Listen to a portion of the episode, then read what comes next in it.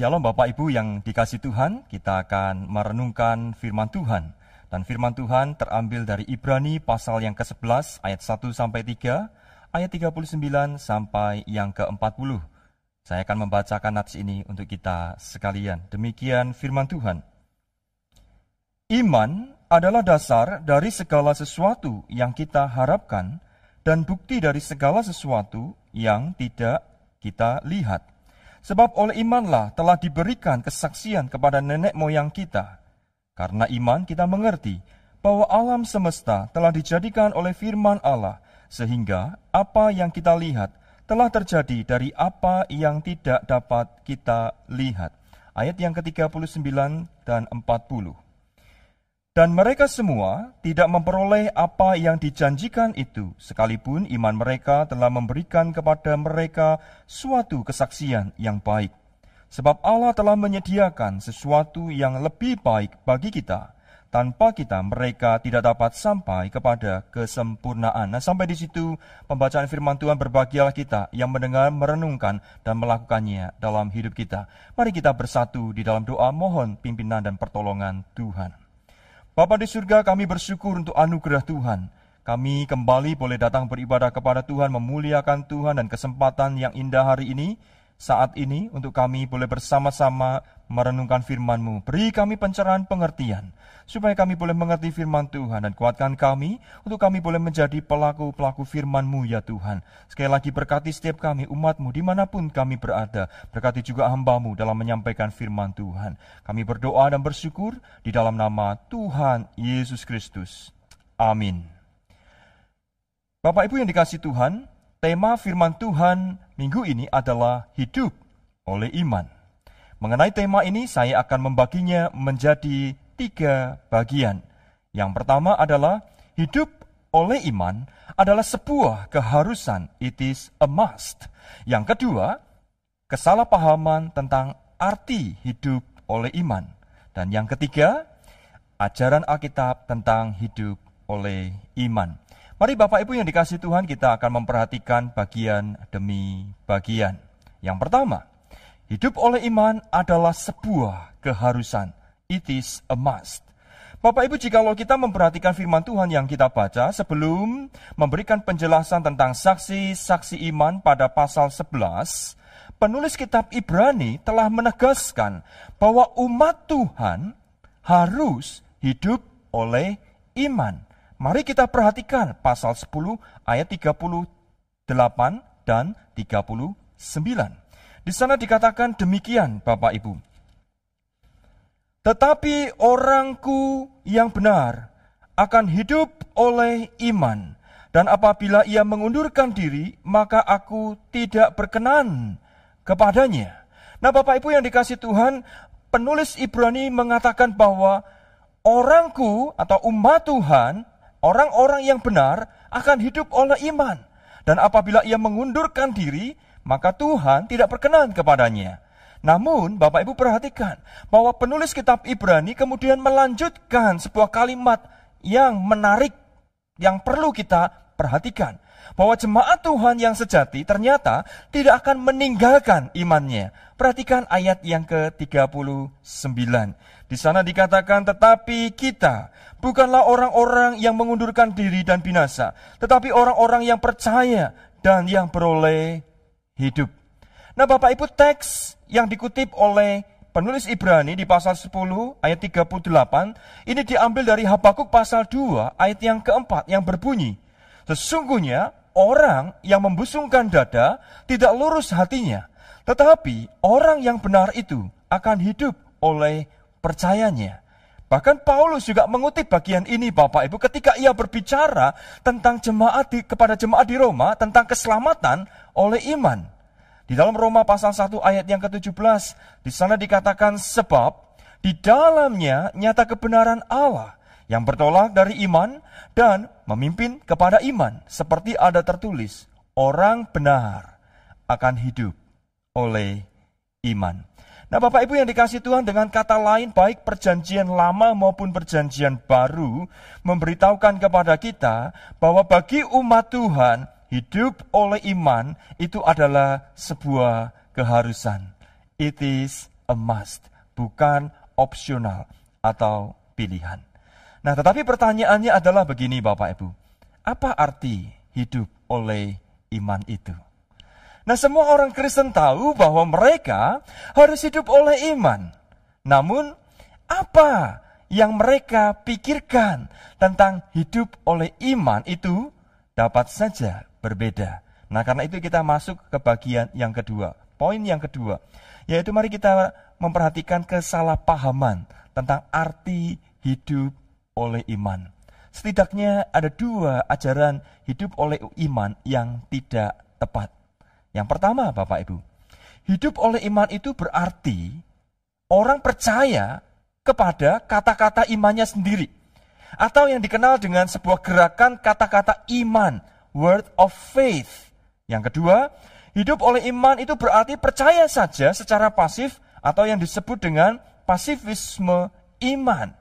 Nah mari kita memperhatikan satu persatu bagian ini. Bapak Ibu yang pertama adalah kesalahpahaman yang pertama adalah terkait dengan gerakan kata-kata iman atau yang disebut dengan word of faith.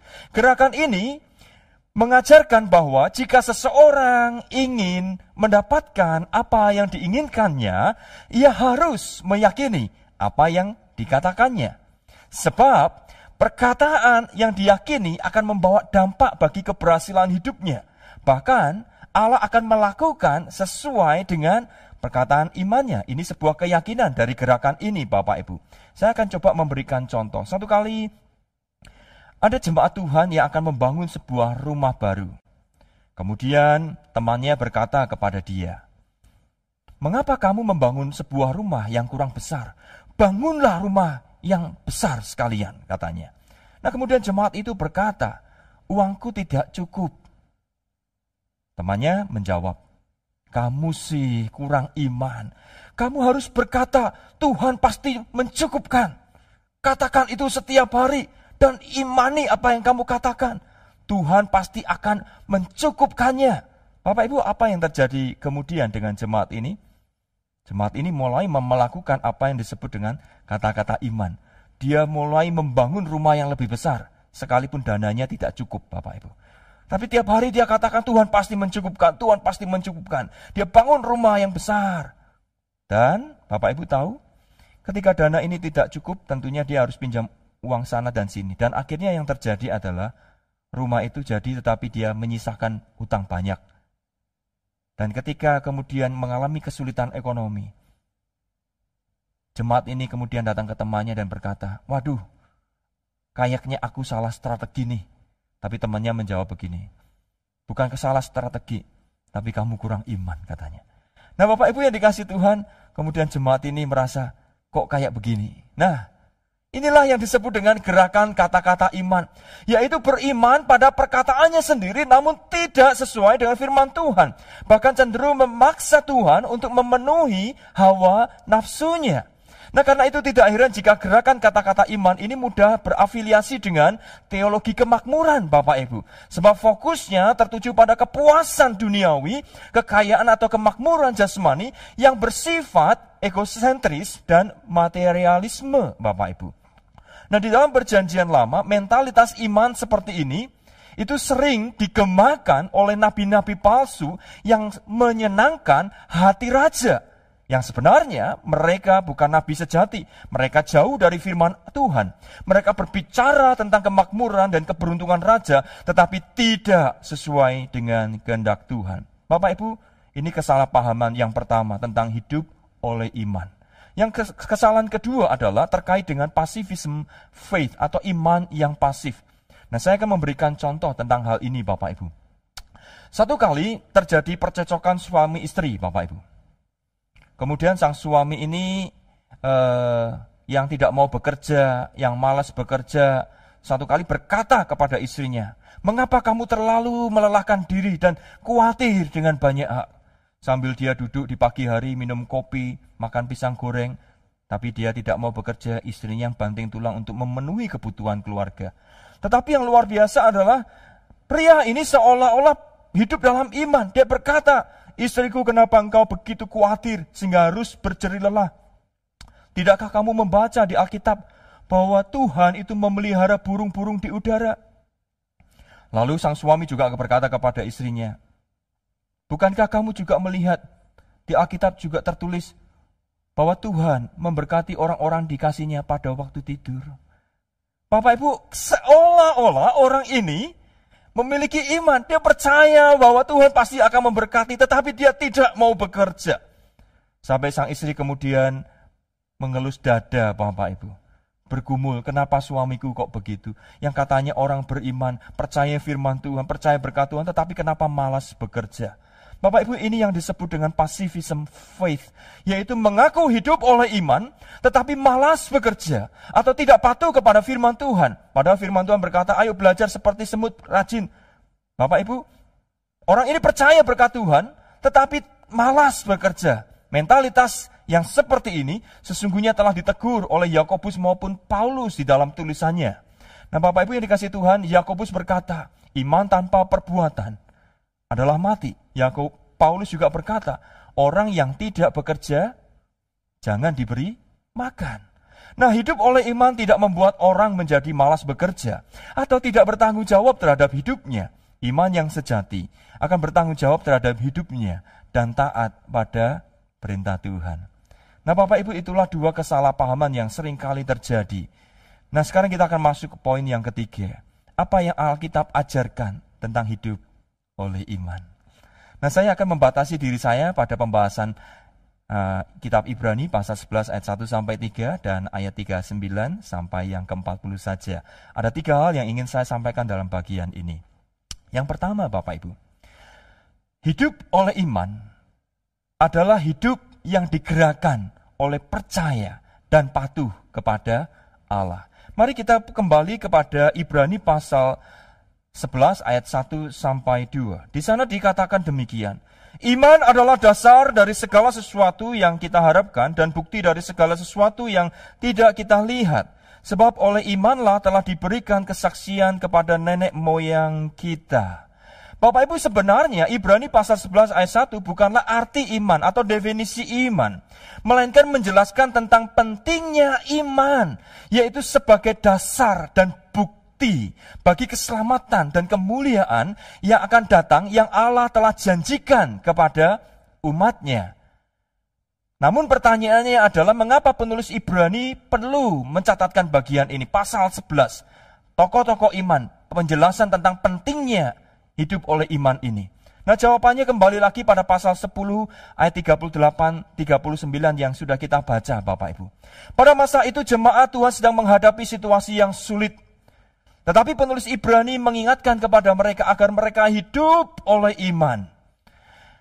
Perhatikan sekali lagi Ibrani pasal 10 ayat 38 39.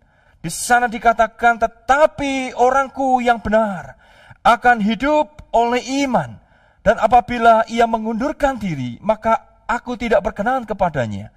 Tetapi penulis Ibrani kemudian menambahkan, tetapi kita bukanlah orang-orang yang mengundurkan diri dan binasa, tetapi orang-orang yang percaya dan beroleh hidup.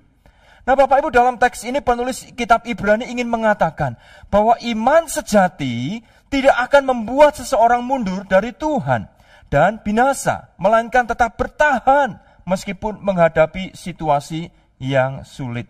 Nah pertanyaannya adalah, iman sejati itu datang dari mana? Dari manusia atau dari Tuhan? Bapak Ibu di dalam Efesus pasal 2 ayat 8 sampai 10 Paulus mengatakan demikian. Sebab karena kasih karunia kamu diselamatkan oleh iman. Itu bukan hasil usahamu. Iman itu bukan hasil usahamu, tetapi pemberian Allah. Itu bukan hasil pekerjaanmu. Jangan ada orang yang memegahkan diri. Paulus menegaskan bahwa iman yang sejati itu berasal dari Allah. Dan itu sebagai bukti bahwa kita mendapat kasih karunia yang menyelamatkan dari Allah di dalam Yesus Kristus, Tuhan kita. Kemudian Paulus melanjutkan tentang tujuan Allah memberi iman itu. Iman yang menyelamatkan itu di ayat yang ke-10. Yaitu karena kita ini buatan Allah, diciptakan dalam Kristus Yesus untuk melakukan pekerjaan baik yang disiapkan Allah sebelumnya. Ia mau supaya kita hidup di dalamnya. Artinya apa Bapak Ibu? Dengan iman yang menyelamatkan itulah, sekarang orientasi hidup kita telah berubah. Kita tidak lagi hidup untuk diri kita sendiri, tetapi hidup untuk melakukan kehendak Allah. Nah Bapak Ibu, apa yang Paulus katakan di dalam Efesus pasal 2 ayat 8 sampai 10, sesungguhnya tidak jauh berbeda dari apa yang penulis kitab Ibrani katakan di pasal 10 ayat 38 39 bahwa orang yang telah dibenarkan Allah akan hidup oleh imannya dan iman itu yang akan menuntun bagaimana kemudian dia hidup. Ia akan tetap percaya dan patuh kepada Allah walaupun harus mengalami penderitaan dan aniaya. Mereka bukanlah orang-orang yang mundur dari Tuhan dan binasa, melainkan orang-orang yang percaya dan memperoleh hidup Nah itulah sebabnya Bapak Ibu yang dikasih Tuhan. Penulis kitab Ibrani menegaskan pentingnya iman yang kemudian ditulis, dicatatnya di pasal 11. Dengan tujuan agar jemaat tetap hidup dalam iman. Sebab apa? Iman adalah dasar dari segala sesuatu yang kita harapkan, yaitu apa? Keselamatan yang Allah janjikan. Dan bukti dari segala sesuatu yang tidak kita lihat. Apa itu? Kemuliaan yang akan datang, kehidupan kekal yang Tuhan akan nyatakan kepada kita. Nah Bapak Ibu yang dikasih Tuhan, ajaran Alkitab ini jelas tidak sama dengan ajaran gerakan perkataan iman atau word of faith. Alkitab mengajarkan bahwa hidup oleh iman itu adalah hidup yang digerakkan oleh percaya dan taat kepada Allah, bukan untuk memuaskan keinginannya sendiri atau kehidupan duniawi. Orang-orang yang telah dibenarkan oleh Allah memiliki tujuan, yaitu melakukan kehendak Allah dalam hidupnya. Seperti yang Paulus katakan, melakukan pekerjaan baik yang dipersiapkan Allah sebelumnya, ia mau supaya kita hidup di dalamnya. Bapak Ibu, mari kita tahu, kita lihat bahwa hidup oleh iman itu berarti hidup yang digerakkan oleh percaya dan taat kepada kehendak tujuan Tuhan. Yang kedua, hidup oleh iman adalah hidup yang digerakkan oleh percaya pada hikmat, kuasa, dan kedaulatan Allah dalam mencipta dan mengatur dunia ciptaannya ini. Perhatikan ayat yang ketiga pasal 11 ini. Bapak Ibu yang dikasih Tuhan di sana dikatakan karena iman kita mengerti bahwa alam semesta telah dijadikan oleh firman Allah sehingga apa yang kita lihat telah terjadi dari apa yang tidak dapat kita lihat. Bapak Ibu perhatikan bagian ini. Apa yang penulis kitab Ibrani harapkan dari teks ini adalah penulis Ibrani ingin mengatakan bahwa ada banyak hal yang Allah kerjakan dalam dunia ini tidak dapat kita lihat dengan kasat mata seperti penciptaan dunia ini. Namun kita diajak untuk percaya bahwa Allah itu ada dan Allah dengan segala hikmat, kuasa, dan kedaulatannya telah menciptakan dunia ini. Artinya apa Bapak Ibu? Jangan meragukan hikmat, kuasa maupun kedaulatan Allah. Sekalipun kita tidak dapat melihat cara kerja Allah itu seperti apa. Lalu apa hubungannya ini dengan hidup oleh iman? Bapak Ibu yang dikasih Tuhan, jika kita percaya bahwa Allah itu berhikmat, penuh kuasa, berdaulat atas ciptaannya, maka bukan kita yang memaksa Tuhan untuk melakukan kehendak kita. Seperti yang diajarkan gerakan kata-kata iman. Melainkan kitalah yang tunduk dan mengikuti kehendaknya. Karena kita diciptakan kembali dalam Kristus dengan sebuah tujuan melakukan kehendak Allah. Sehingga ketika keinginan kita tidak terkabulkan, doa kita kadang tidak dijawab oleh Tuhan, kita tidak kecil hati dan tidak kecewa. Mengapa? Karena kita tahu bahwa kita sedang melakukan kehendak Allah itu bukan juga orang yang kurang iman seandainya doanya tidak terjawab. Karena kita sadar, bukan Allah yang mengikuti kehendak kita, tetapi kita percaya dia penuh hikmat, kuasa, dan kedaulatan. Kita mengikuti Tuhan. Nah Bapak Ibu misalnya, Yusuf di dalam kejadian, kitab kejadian. Yusuf tahu benar bahwa Allah telah menyatakan sesuatu yang besar dalam hidupnya. Tetapi realita hidup yang dia jalani ternyata tidak seperti yang dia bayangkan. Dia mengalami banyak kesulitan, difitnah saudaranya sendiri, dijual saudaranya, mengalami fitnahan di tempat orang lain di Mesir dan sebagainya. Tetapi Bapak Ibu perhatikan apa yang kemudian Yusuf katakan kepada saudara-saudaranya. Engkau mereka-rekakan yang jahat, tetapi Allah mereka-rekakannya untuk kebaikan bagi kita sekalian. Bapak Ibu kita melihat Allah bekerja. Cara kerjanya tidak seperti yang Yusuf harapkan. Tetapi Yusuf tetap setia, percaya janji Tuhan. Paulus di dalam 2 Korintus 12 ayat 7 sampai 10 juga mengalami hal sama. Ketika ada duri dalam daging dia berdoa dan Tuhan tidak menyembuhkannya. Bahkan Tuhan berkata, "Cukuplah kasih karuniaku bagimu." Apa yang kemudian Paulus katakan? Apakah berarti Paulus di sini kurang iman? Bapak Ibu tidak. Kemudian Paulus justru berkata, dalam kelemahan dia malah bersuka cita. Kenapa? Karena kuasa Tuhan semakin nyata. Hidup oleh iman itu berarti hidup digerakkan dengan satu kepercayaan, kesadaran bahwa Allah itu penuh hikmat, kuasa, dan penuh kedaulatan atas ciptaannya. Demikian juga dengan Tuhan Yesus memberikan teladan kepada kita, bagaimana dia menderita, tetapi tahu bahwa segala jalan Tuhan, jalan Bapaknya adalah jalan kemenangan. Di balik penderitaan ada satu kemuliaan. Nah Bapak Ibu yang dikasih Tuhan, cara kerja Tuhan itu unik kadang melampaui apa yang kita pikirkan. Tetapi di situlah kita ajar, diajar untuk kita belajar percaya. Hidup dalam iman bukan berarti kita mengklaim untuk diri kita sendiri. Tuhan harus tunduk dengan iman kita. Tuhan harus mengikuti apa yang kita imani, bukan.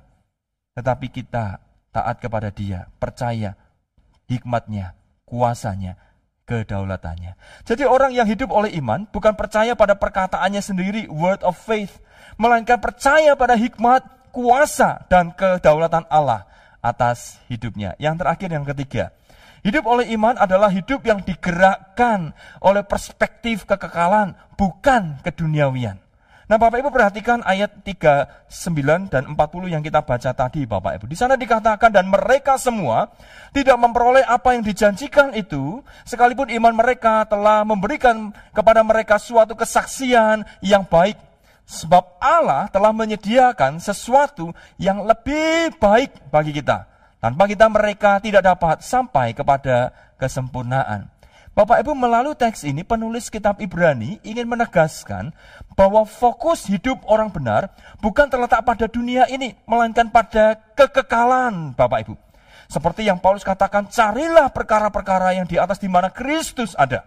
Bapak Ibu, Inilah yang menjadi poin penting bahwa kehidupan orang yang beriman bukan menjadi duniawi, tetapi melihat segala sesuatu dalam dunia ini dari perspektif kekekalan. Sehingga ketika jemaat memiliki kekayaan dan kedudukan duniawi, mereka tidak terjerat olehnya, melainkan memandangnya sebagai kesempatan untuk melakukan kebaikan yang Tuhan mau secara efektif. Perhatikan peran Ishak, peran Yakub, peran Yusuf di dalam ayat 20 dan 23. Mereka memberkati. Tuhan pakai mereka. Mereka efektif di dalam panggilan mereka. Mengapa? Karena mereka memikirkan sesuatu yang jauh lebih besar dari sekedar harta duniawi.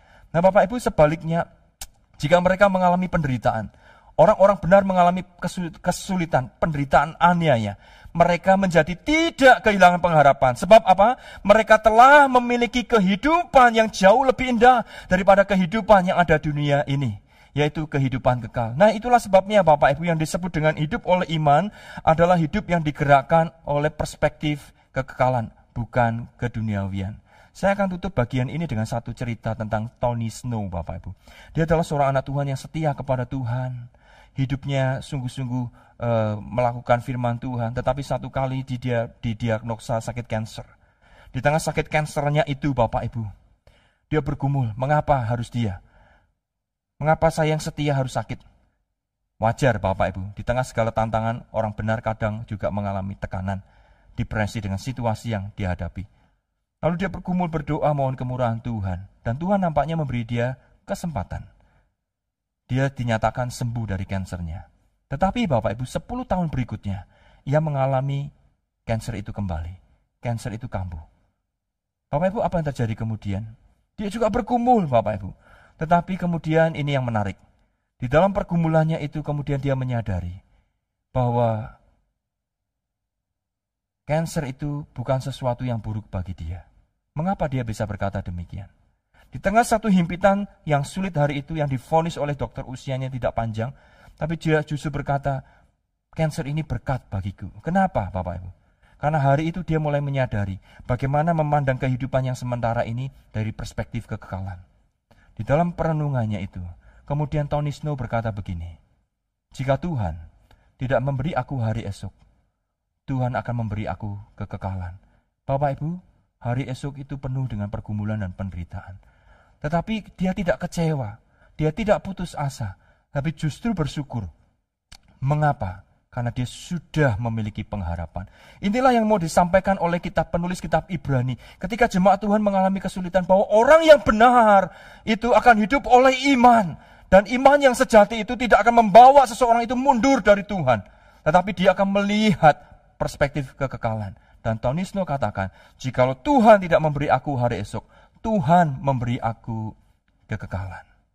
Bapak Ibu yang dikasih Tuhan, Hari ini kita hidup di, zaman yang tidak mudah, situasi yang tidak mudah. Tetapi mari kita mau hidup oleh iman. Hidup oleh iman adalah hidup yang digerakkan oleh ketaatan, percaya kepada Tuhan. Hidup oleh iman adalah hidup yang digerakkan oleh percaya akan hikmat, kuasa, dan kedaulatan Allah. Hidup oleh iman adalah hidup yang digerakkan dari perspektif kekekalan, bukan keduniawian. Bapak Ibu, Tuhan sudah melakukan yang terbaik. Dia Tuhan yang setia. Dia sudah menyelamatkan kita. Dia akan menuntun kita sampai pada akhirnya. Mari kita belajar setia. Mari kita hidup oleh iman. Dan kita tidak undur dari Tuhan. Sebab kita tahu Tuhan itu setia. Mari kita hidup dalam iman. Dan iman itu adalah, di sana dikatakan apa? Ayat 11, ayat, uh, pasal 11 ayat 1. Iman adalah dasar dari segala sesuatu yang kita harapkan segala janji Tuhan, pengharapannya akan datang. Dan bukti dari segala sesuatu yang tidak kita lihat. Hari ini kita belum melihat segala pengharapan itu. Tetapi dengan iman itulah kita menjalani hidup ini. Dan kita akan memiliki kemenangan demi kemenangan mengatasi persoalan kita. Kiranya Tuhan menolong kita mengerti firman-Nya. Amin. Mari kita satu di dalam doa. Bapa di surga di tengah segala tantangan hidup hari ini, kadangkala kami mengalami ketegangan, tension. Di satu sisi kami bergumul memohon kepada Tuhan, tapi kami merasakan mengapa Tuhan tidak menjawab pergumulan kami, tidak menjawab seperti apa yang kami mau. Ternyata ketika kami kembali kepada firman-Mu ya Tuhan, Iman itu bukan untuk mengatur engkau, tapi iman itu untuk membuat kami menyadari, percaya akan sepenuhnya kepada Tuhan. Tuhan yang sudah menyelamatkan, Tuhan yang terus berkarya, bekerja dengan hikmat, kuasa, dan kedaulatannya menuntun kami. Karena itu Tuhan, biarlah kami terus berserah kepada Tuhan. Mungkin kami boleh memohon sesuatu, kami boleh berseru kepada Tuhan, membutuhkan sesuatu, berdoa. Tetapi ketika Tuhan tidak menjawab, bahkan ketika Tuhan menjawab melalui itu, itu tidak membuat kami kemudian sombong, tetapi membuat kami rendah hati dan menyadari kebergantungan kami kepada Tuhan. Tuhan di tengah situasi hidup yang tidak mudah hari ini tolong kami umatmu ya Tuhan untuk kami boleh hidup oleh iman karena ini bukanlah sebuah pilihan tetapi sebuah keharusan. Tuhan berkati kami, tambahkan iman bagi kami untuk kami boleh terus kuat percaya berjalan bersama Tuhan. Berkati setiap jemaatmu di mana mereka berada. Di dalam nama Tuhan Yesus kami berdoa. Amin.